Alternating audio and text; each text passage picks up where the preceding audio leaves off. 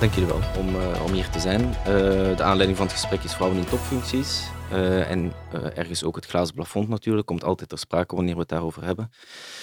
Nu, ik ga aan jullie niet vragen wat jullie definitie is van het glazen plafond. Ik denk dat iedereen daar wel ook zijn eigen mening en definitie over heeft. Maar wat ik wel heel graag zou weten van jullie, gezien jullie parcours, is wat jullie persoonlijke ervaring was met dat glazen plafond. Uh, welke specifieke struggles jullie hebben gehad. Misschien opportuniteiten die er zelf zijn uit voortgekomen. Dus ik zou zeggen, Linda, take it away. Ja, het glazen plafond. Ik ben mijn carrière begonnen toen ik um, 16 was. Uh, toen uh, stond ik als inpakhulp in een CNA-filiaal op uh, zaterdag en op donderdagavond. En daar kreeg ik eigenlijk het retail-virus. ik vond het geweldig om te zien hoe die filiaalmanager zijn winkel leidde. En ik dacht, dat wil ik ook. Ik heb een hele andere opleiding gedaan. Ik heb Engels gestudeerd, dus dat leidde niet direct tot een retailfunctie. Maar toen ik afgestudeerd was, toen begon CNA met management training traineeships. CNA uh, was in die tijd een heel conservatief bedrijf, ook heel erg Duits. En er was wel degelijk een uh, glazen plafond daar. En dat voelde ik ook zo. Inmiddels hebben ze tot mijn grote vreugde een vrouwelijke CEO. Dus ongetwijfeld is, is dat helemaal veranderd nu. Maar op een gegeven moment toen ik uh, operations manager uh, was van Marca, een discountformule die bij CNA hoorde. Toen had ik echt het idee van oké, ik kom hier niet verder. Ik had er inmiddels uh, ehm, 14 jaar gewerkt met mijn zaterdaghulpperiode erbij. Dus ik was er ook echt heel lang. En het feit dat ik het idee had dat ik niet verder kwam als vrouw, motiveerde mij eigenlijk om eindelijk de stap te zetten om ook eens buiten de deur te gaan kijken. Dus ja, ik vind als je als vrouw het idee hebt dat je niet verder komt omdat je een vrouw bent, uh, ja, ga dan ergens anders kijken. Want er zijn heel veel bedrijven waar er helemaal geen uh, glazen plafond is. Wat heel erg vaak over vrouwen uh, wordt gezegd, is dat ze niet uh, strategisch zijn. Dat is ook over, uh, over mij gezegd. Terwijl ik toen eigenlijk altijd uh, operationele functies ook had gedaan. Dus ik had ook niet echt veel kans gehad om dat te ontwikkelen. Dus ik heb op een gegeven moment ook nadrukkelijk gezocht naar een functie waar ik dat wel kon ontwikkelen. En nu zegt niemand meer dat ik niet strategisch ben. Maar is denk ik ook gewoon een heel erg groot verschil tussen hoe vrouwen strategisch praten en hoe mannen dat doen. bij mij hoef je niet te komen met een heleboel uh, lange, wollige academische verhalen. Bij mij is het gewoon heel praktisch. Er is een hele belangrijke link tussen strategie en praktijk. Tamara, wat is jouw visie op uh, jouw parcours? Ja, ik, ik, moet zeggen dat bij mij inderdaad binnen Hees, ik werk hier nu 15 jaar, dat ik dat glazen plafond binnen Hees eigenlijk nooit tegengekomen ben, gelukkig. Nu uiteraard in, in, in vorige werkervaringen wel, uh, hebben we dat heel duidelijk gezien. En ik weet dat dit misschien heel typerend gaat klinken, maar ik heb daarvoor bijvoorbeeld ook in echte ja, productieomgevingen gewerkt. En daar merkte je dat heel duidelijk. Hè. Dat je bijvoorbeeld in, in, in customer service of HR, daar was het allemaal goed. Maar eens dat je dan echt bijvoorbeeld de commerciële tour op wilde en, en, en echt in die, die productieomgevingen, ook, ook ergens bouwomgevingen, ja, dan merk je toch dat dat, dat dat een heel ander verhaal werd. En dat is ook iets wat je ja, bij klanten, toen, toen, ik zelf als consultant werkte bij Hayes in recrutering, ja, dat je jammer genoeg die vraag kreeg. Hè. Ook al was dat bijvoorbeeld ja, tien jaar geleden, dat je toch al zou denken dat die tijd gepasseerd is. hè, voor, voor in verantwoordelijke uh, posities van, goh, we kijken toch uit naar een man, want dat werkt nu eenmaal beter. Ik had ergens ja, misschien naïef het idee dat dat toch voorbij was, maar helaas is dat niet zo. Hè. Ik kan me voorstellen dat, dat op vandaag onze consultants nog altijd die vraag krijgen, maar voor mij persoonlijk binnen Hayes heb ik dat glazen plafond eigenlijk nooit tegengekomen. Nu, ik, ik treed Linda wel volledig bij dat je zelf wel de dingen in handen moet nemen. En dat strategische, goh, ik, ik volg jou inderdaad. Hè, dat, dat ze dan kijken van, ja, gaan, gaan ze hier wel met een echt plan afkomen? Gaat ze wel weten wat ze echt wil gaan doen? Maar ik denk dat je, net zoals dat jij die ervaring hebt van echt op de vloer gewerkt te hebben, dat helpt enorm. Je weet waar je over spreekt. Je weet hoe het echt werkt als je in die business staat. En ik denk dat je van daaruit, uit die ervaring wel dingen kan meenemen. En dat dat belangrijk is. Maar, maar um, ja, Lina, ik kom even terug op, op iets wat jij gezegd hebt, wat Tamara eigenlijk ook al herhaald heeft. Dus een beetje het vooroordeel dat vrouwen niet strategisch zouden denken of niet voldoende strategisch kunnen denken. Zijn er nog van die vooroordelen die er leven? Ja, nou ja, het wordt wel een beetje heel erg stereotyp dan. Uh, wat je natuurlijk wel heel vaak ziet, is dat voordat je benoemd wordt in een leidinggevende functie, dat mensen zeggen dat je te aardig bent als vrouw. En ben je dan eenmaal benoemd, dan ben je opeens een bitch. Dus kijk, de, de fit, zal ik maar zeggen, DNA eh, wat een bedrijf heeft en of dat wel of niet bij jou past. Dat is wat mij betreft een van de allerbelangrijkste dingen van of je je werk leuk vindt en of je happy bent uh, in je werk. En ik vind dat zo ongelooflijk belangrijk. Het is een ontzettend belangrijk deel uh, van je leven. Je kan ongelooflijk veel plezier hebben samen met je collega's. Maar ja, het gaat er natuurlijk wel om dat het bedrijf op een manier in elkaar zit die bij jou past en andersom. Je kan jezelf wel een beetje oprekken en je kan je aanpassen, maar dat geldt natuurlijk ook voor het bedrijf waar je werkt. Het bedrijf heeft een bepaalde DNA wat er heel diep in zit. En ja, het is wel handig als um, dat DNA van het bedrijf en van jouzelf een beetje automatisch bij elkaar passen, laat ik het maar ja. zo zeggen. Ik ga er nog heel even op verder. Tamara, je hebt heel wat ervaring opgebouwd in de recruteringssector mm -hmm. uh, bij Hayes.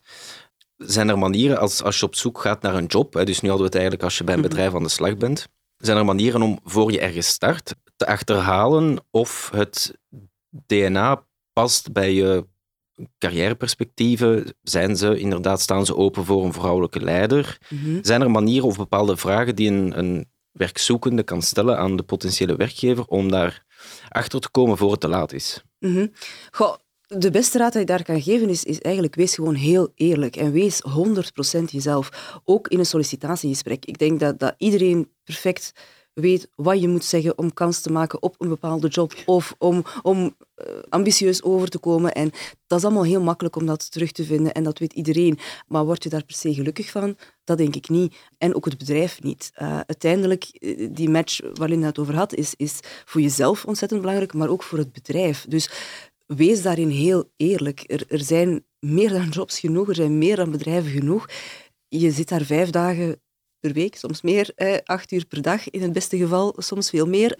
Dus zorg dat je dan een omgeving zoekt waar je gelukkig van wordt en, en waarvan je weet, dit past bij mij, dit kan op lange termijn ook bij mij passen.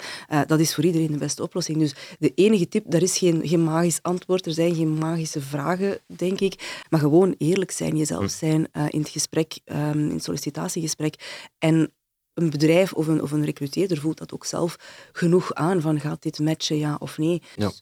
Ja, aan de andere kant van de tafel zit dan natuurlijk de potentiële werkgever, het bedrijf. Stel, het bedrijf is inderdaad, staat inderdaad open voor vrouwelijke leiders, er alles aan, of doet er alles aan om dat ook, op, ook waar te maken of mensen de kans te geven.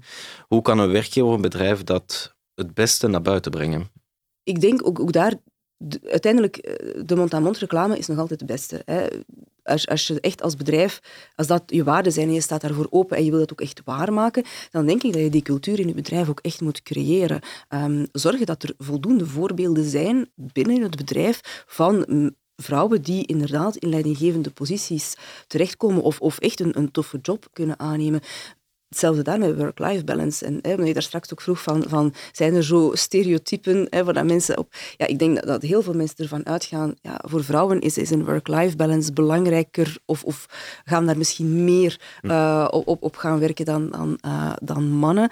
Wat denk ik niet altijd het geval is. Maar ook daar kan je als, als bedrijf, en zeker nu, heel hard op inspelen. Je hebt dat thuiswerk, je hebt die flexibiliteit die er is. Dus ook daar als bedrijf, dat zijn dingen waar je kan op inzetten ben ervan overtuigd dat je perfect een, een, een goede mama kan zijn en toch een heel ambitieuze en mooie carrière uitbouwen. Maar dan heb je inderdaad een, een netwerk privé nodig, maar ook op het werk. Ja, ik zag je knikken, Linda, dus uh, je bent het ermee eens. Ja, uiteraard. Ik bedoel, het is als werkgever heel belangrijk om uh, vrouwen de ruimte, en mannen trouwens ook, de ruimte te bieden om uh, gezin en, en werk te combineren op een hoofdkantoor of iets dergelijks is dat natuurlijk altijd wel wat makkelijker, zeg ik er meteen heel eerlijk bij, uh, dan in de winkels. Omdat je daar natuurlijk wel moet zorgen dat die winkel open is uh, hè, tijdens de reguliere winkelopeningstijden. Maar ook daar zien we wel dat. Um, waar we een aantal jaren geleden nog heel strak erin zaten van flexibele uurroosters en dergelijke, dat dat, dat toch langzaam evolueert. -hmm. En dat is ook heel erg belangrijk, want het is gewoon belangrijk dat vrouwen dat die de kans krijgen om dat goed te combineren met hun uh, thuissituatie, absoluut. Ja. ja. Een heel ander onderwerp even. Of hij blijft bij hetzelfde onderwerp natuurlijk. De rol van de media. En ik kijk naar jou, Tamara, mm -hmm. uh, omdat je ook een beetje carrière gehad in uh, de media. Mm -hmm. In mijn voorbereiding naar, naar dit gesprek toe, zag ik een artikel in de Gazet van Antwerpen. Uh, naar aanleiding van het nieuws over Plopsaland, mm -hmm. waar dat er discussies rond de stijl van leiderschap. er was een artikel verschenen dat er wel meer toxische bedrijfsleiders bestaan. Mhm. En ze gaven in dat artikel een aantal voorbeelden van bekende bedrijfsleiders, zoals Steve Jobs. Mhm. En in dat lijstje stonden ook twee dames, Anna Wintour van Vogue en Ellen DeGeneres van de, de Ellen Show. Mhm. En wat mij in dat artikel heel hard opviel, was de woordkeuze. Dus over de, de, de, de strenge leiders van het mannelijke geslacht kwamen woorden terug als in eh, hard, het is een goeroe, veel eisend. Uh, maar bij, zowel bij Ellen DeGeneres als Anna Wintour kwam het woord fakes voor. het werd hier net al even aangehaald door jou, Linda. Van dat er al snel gezegd wordt van je bent een bitch of je gedraagt je als een bitch. Maar dus terug, om terug te komen op de rol van de media, wat ik ook merk, is als het gaat over een nieuwe CEO in een bekend bedrijf en die persoon is niet per se bekend, dan is het telkens vrouw die CEO wordt. Mhm. Als het gaat om een mannelijke bedrijfsleider, dan komt er een naam. Mhm. Ja, ik zou zeggen, wat is je mening daarover? Of wat denk je, welke rol kan de media spelen? Mhm. Ja, zeker. Ik denk dat zij daar een heel grote rol in kunnen spelen. Ehm, en, en ja, dat dat ook evident mag zijn. Het moet de juiste persoon op de juiste stoel zijn. Ik weet dat ik nu een, heel, een open deur heel hard intrap, um, sowieso door dat te zeggen. Maar zo is het ook gewoon. En het zou niet mogen uitmaken of dat dan een, een, een man of een vrouw is. Daar volg ik jou in, maar dat geeft alleen maar aan, denk ik, dat, dat, dat het nog niet zo evident is. Ik ben heel blij dat jou dat opgevallen is als man. Dat is heel fijn om te horen.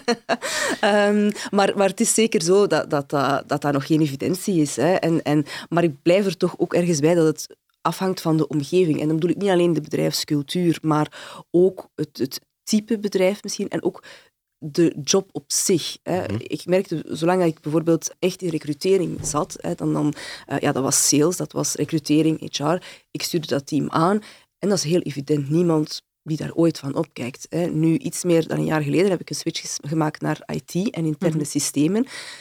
En dan merk je wel dat dat iets anders is, want dat zijn ze niet gewoon. Hè? Dat, dat het dan plots een vrouw is die daarvan, oei, kent die iets van IT en die gaat hier een hoop mannen, eh, niet, niet rechtstreeks aansturen, maar ja, die wel die projecten gaan doen en weet die daar eigenlijk wel iets van. Terwijl ja, dat het ook kunst is om, ik ben zeker geen developer en in, laat, geen IT'er, dat kunnen ze wel bevestigen op de support bij ons, denk ik. Maar, um, maar het gaat erom dat je, dat je wel een meerwaarde hebt op, op, op, op een ander vlak in die job en dat je je wel kan laten omringen door de juiste mensen. En dat is denk ik key in, in, in, in elke job, of dat je nu man of vrouw bent, maar dat je laat omringen door de juiste mensen die gewoon op bepaalde vlakken veel beter zijn en veel meer van zaken afweten dan jijzelf. En dat is ook oké. Je kan niet alles weten en niet alles kunnen. Maar ik denk dat dat daar voor een stuk ook mee te maken heeft. Ik denk als er morgen aan het hoofd van een modebedrijf een vrouw komt te staan, dan gaat er misschien wel mevrouw die of die gezegd worden. Mm. Maar ik kan me inderdaad voorstellen als het aan, aan het hoofd van een IT-bedrijf of van een bouwbedrijf,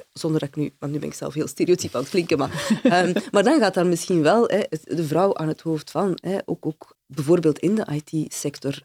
Um, een man zit daar en dan heb je hè, de bedrijfsleider van het jaar en zo, maar dan heb je ook IT-woman of the year. En dan denk ik van, waarom moet dat apart? Hm.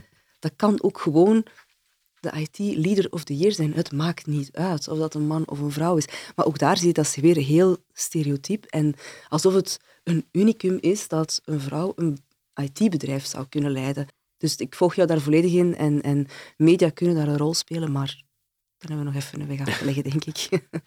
Ja, dat wou ik eigenlijk net, net, net ook zeggen. Ik heb zo het gevoel dat, om het even een strijd te noemen, dat die al heel lang bezig is. Dat er zeker en vast wel stappen gezet zijn, denk ik, in de positieve richting. Uh, maar het voelt echt als een, een, een strijd van lange adem aan. Uh, en niet voor mij persoonlijk natuurlijk. hè. Maar gaan we er ooit geraken? Natuurlijk gaan we er geraken. Absoluut. Ja, ik, kijk, we hebben het er nog wel over. En ik vind het ook, zeg maar, zelf als leider nog heel belangrijk om uh, de vrouwelijke collega's bij ons uh, te stimuleren. Hè, om stappen te nemen die buiten hun comfortzone gaan. En om zich te ontwikkelen. En om zich wel bewust te zijn van, van de dingen waar we het net over hadden.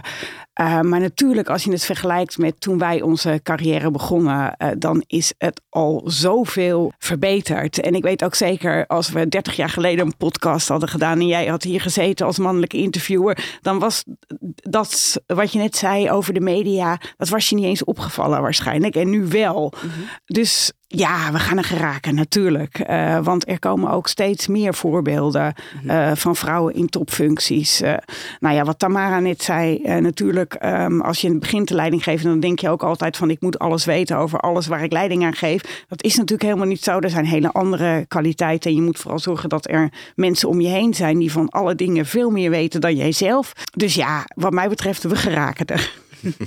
maar dat, dat, dat, omringen door, door, of je laat omringen door de juiste personen die meer weten over bepaalde dingen dan jezelf, dat geldt natuurlijk ook voor mannen. Zeker, ja. zeker. Ja. ja. Sowieso. Dus eigenlijk gewoon een goede tip voor alle leiders. Absoluut, hebben absoluut. Ja, ja, ja, zeker. Daar hebben de mannen ook uh, een tip in het gesprek. Uh, nee, oké, okay, boeiend. Maar er bestaat ook zoiets als een glazen klif. Mm -hmm. Oké, okay, ik zie Linda al knikken. Kan jij toelichten? Of? Ja, ik vind het altijd een beetje uh, relatief. Want op het moment dat je gevraagd wordt uh, voor een functie, uh, dan kan je denken van, ah ja, dit is echt een onmogelijke klus. Ik heb een klus gedaan in Centraal-Europa, mocht ik de parfumerieën van uh, leiden. En dat was na een overname van de overgebleven aandelen die daar waren. Nou, dat was echt een mega klus, ook nog op het hoogtepunt van de crisis. Nou, ik had kunnen zeggen, oké, ze vragen me typische glazen cliff-benoeming. Maar dat ligt dan uiteindelijk aan jezelf. Want je kan ook denken: wauw, ik krijg van het bedrijf de kans om in het buitenland te gaan werken. Om heel veel te leren over andere culturen. Over mezelf. Hè? Want ik kon niet meer op de Nederlandse manier, uiteraard, uh, uh, leiding geven. Want dat leidde tot niet zoveel. Dus ik uiteindelijk, ja, is dat dan een glazen klif benoeming? Ja, ik. Um, nee, ik zou zeggen: uh, grijp die kans. Mhm. Ja, ik moet eerlijk zeggen dat ik het met die term ook, ook moeilijk heb. Een glazen plafond, daar kan je echt wel iets bij voorstellen en daar moet je mhm. realistisch in zijn. Um, dat, dat is er in sommige omgevingen nog. Maar een glazen klif, dan denk ik dat je, dat je eerder, zoals Linda aangeeft, naar jezelf moet kijken. En dat geldt zowel, ik denk niet dat het ook iets typisch is voor vrouwen, voor, want dan komen we weer terug bij die quota. Waarom wordt dan zoiets gedaan? Dan gaat het over, we moeten quota halen, want we moeten zoveel vrouwen in een toppositie. Daar geloof ik niet in. En die glazen klif is echt een beslissing van jezelf. Een beetje wat we daar straks ook zeiden met de bedrijfscultuur. Als je geen goed gevoel hebt of denkt van dit is niet een omgeving waar ik mij goed in ga voelen, dan heb je dat gevoel ook bij die job. Doe het dan niet. Met die term heb ik het voor mij iets minder... Ja, dat, daar heb ik het een beetje moeilijker mee, omdat ik denk dat dat minder te maken heeft met man-vrouw, maar gewoon met een persoonlijke keuze. Ja. Oké, duidelijk. Uh, maar je begon zelf over quota, Tamara. dus je geeft mij de, je geeft mij de voorzitter, dat is handig. Uh, je zei zelf al dat je, geen, uh, dat je daar geen fan van bent. Nu, heel veel bedrijven gebruiken wel... Ja, je mag zo dadelijk nuanceren, Tamara. Ehm, heel veel gebruiken, bedrijven gebruiken wel quota. Mhm. In hun poging om bijvoorbeeld het senior management op zijn minst 50-50 te maken. Heel veel bedrijven gebruiken dat misschien ook om te zeggen, kom, we zijn er toch mee bezig. Maar ik zelf persoonlijk stel mij ook altijd de vraag, is dat de oplossing quota? Trouwens niet enkel voor, voor uh, wat betreft vrouwen in senior mhm. management, maar ook bijvoorbeeld mensen met een andere afkomst of zo. Absoluut. Ik stel me altijd de vraag, in welke mate is het window dressing mm en in welke mate heeft het echt nut?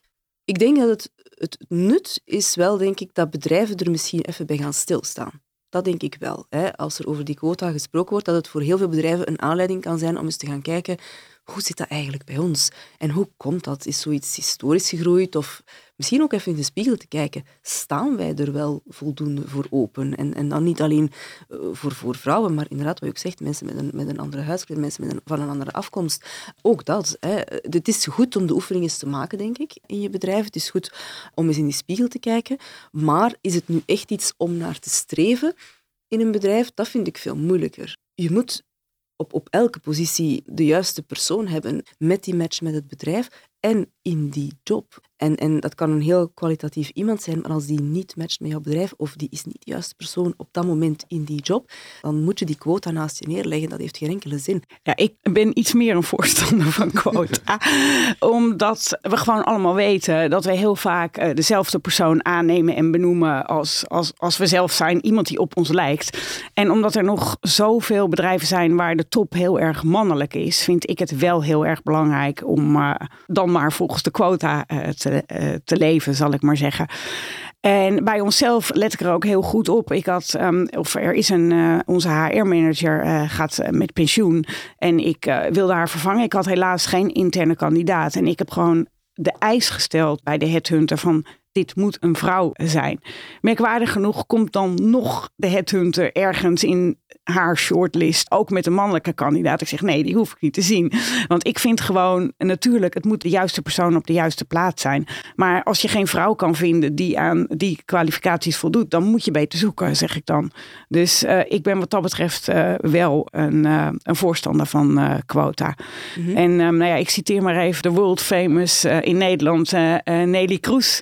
Die zei altijd, of die zegt altijd van ja, je kan beter benoemd zijn omdat je een vrouw bent dan niet benoemd worden omdat je een vrouw bent. Dus um, ja, daar ga ik wel in mee.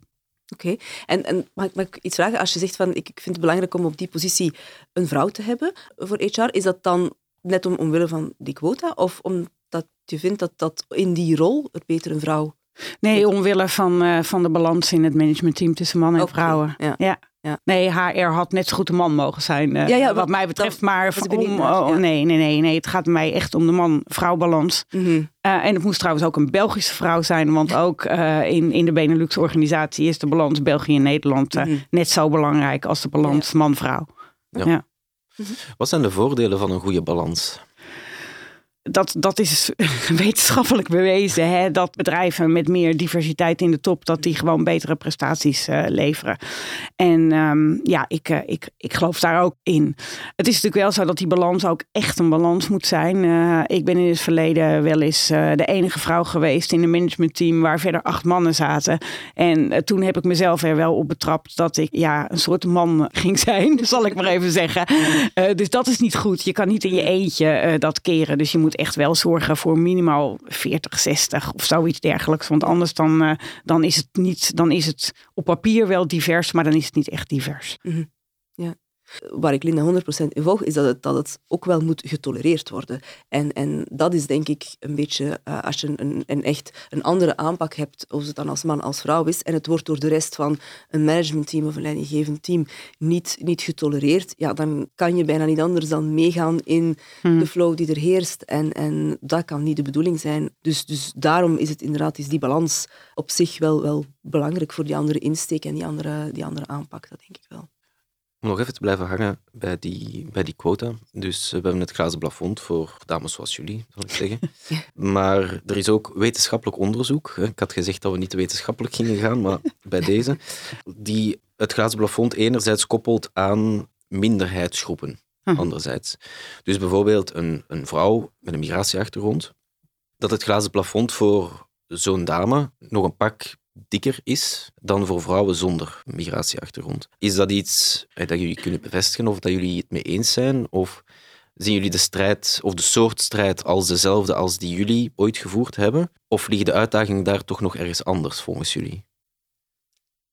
Dat is, ik, ik volg jou in de zin dat dat het, zeker het, het beeld is ergens, dat er, dat er heerst ik vrees ook dat dat in, in heel wat bedrijven ook bevestigd zal worden. Daar, eh, daar, ja, dat denk ik wel. Maar toch kom ik voor een stuk ook weer terug op, op, op die match. Weet je. Er zijn ook bepaalde bedrijven, zelfs, zelfs met, met het, het parcours en de carrière, mm -hmm. dat, dat, dat uh, Linda en ik nu hebben, zonder te zeggen dat we een geweldige carrière maar ik bedoel, maar we hebben een aantal dingen bewezen de voorbije jaren. En dan zijn er waarschijnlijk nog bedrijven die ja, niet op ons zouden zitten wachten. Die, die zoiets hebben van nee, hè, geen vrouw in die positie of dat past niet binnen onze cultuur of, of wat dan ook. En ik denk dat dat hetzelfde is uh, als je dan een vrouw uh, met, met een migratieachtergrond bent, dat dat cultuur gebonden is aan het bedrijf en afhankelijk van het management dat daar op dat moment zit. Wat ook heel snel kan veranderen. Maar ja, in principe zou je kunnen zeggen, zij hebben eigenlijk twee zaken. Ze zijn en een vrouw eh, en ze hebben een migratieachtergrond. Dus dat, dat maakt het dan misschien inderdaad nog iets zwaarder dan, dan dat het voor ons is. Maar ook daar zou ik zeggen van ja, maak het, maak het makkelijker door te zoeken naar een bedrijf dat er wel voor open staat en, en, en dat wel die kansen wil geven. En, en ik denk dat we er allemaal moeten voor pleiten om, om dat glazen plafond niet dun te maken, maar gewoon zorgen dat het in, in duizend stukjes uit elkaar valt, uh, want dat heeft geen enkele zin. Maar soms moet je ook gewoon erbij neerleggen dat je niet in elk bedrijf de strijd kan winnen. En dan moet je zorgen om het, om het te doen in, in bedrijven en met mensen die er wel voor openstaan en daar gewoon het, bewijs leveren dat het kan en dat het oké is en dat het, dat het gewoon heel goed is en dat dat glazen plafond tot niets dient. Maar echt op de barricade gaan staan en proberen van, van overal eh, dat glazen plafond te doorbreken, Goh, dat is denk ik dat is heel vermoeiend. En we moeten er door dit soort dingen te doen blijven over praten en door, door voorbeelden aan te halen en mensen naar voren te schuiven en bedrijven naar voren te schuiven die er wel voor openstaan, die het wel gedaan hebben, denk ik dat je veel meer bereikt dan te, te blijven bonken tegen glazen plafonds die toch nooit gaan breken. Dan toe te voegen, Linda. Nee, helemaal eens uh, met Tamara. Tuurlijk, zoals je zegt, uh, vrouwen met een migratieachtergrond hebben dan twee plafonds, zal ik maar even zeggen. Uh, maar ook daarvoor geldt natuurlijk dat we als management van uh, grote bedrijven dat we ons best moeten doen om die mensen ook duidelijk te maken dat ze de kans hebben om, uh, om door te groeien naar wat voor functieniveau dan ook. Ja. Wat brengt de toekomst voor jullie in de carrière? Oké. Okay. Ja. um, ja, groeien in de job en, en zorgen dat ik een mooie balans heb van mannen en vrouwen in mijn team. Ik ga mijn best doen. Ja, ik ben uh, heel erg gelukkig uh, in uh, de huidige functie bij IC Paris. Het is een prachtig bedrijf om, om te mogen leiden. Dat, ja, dat geeft gewoon zo'n waanzinnig goed gevoel. Ik doe het nu bijna zeven jaar. We hebben nog heel veel mooie stappen te zetten. Dus ik ben helemaal op mijn plek.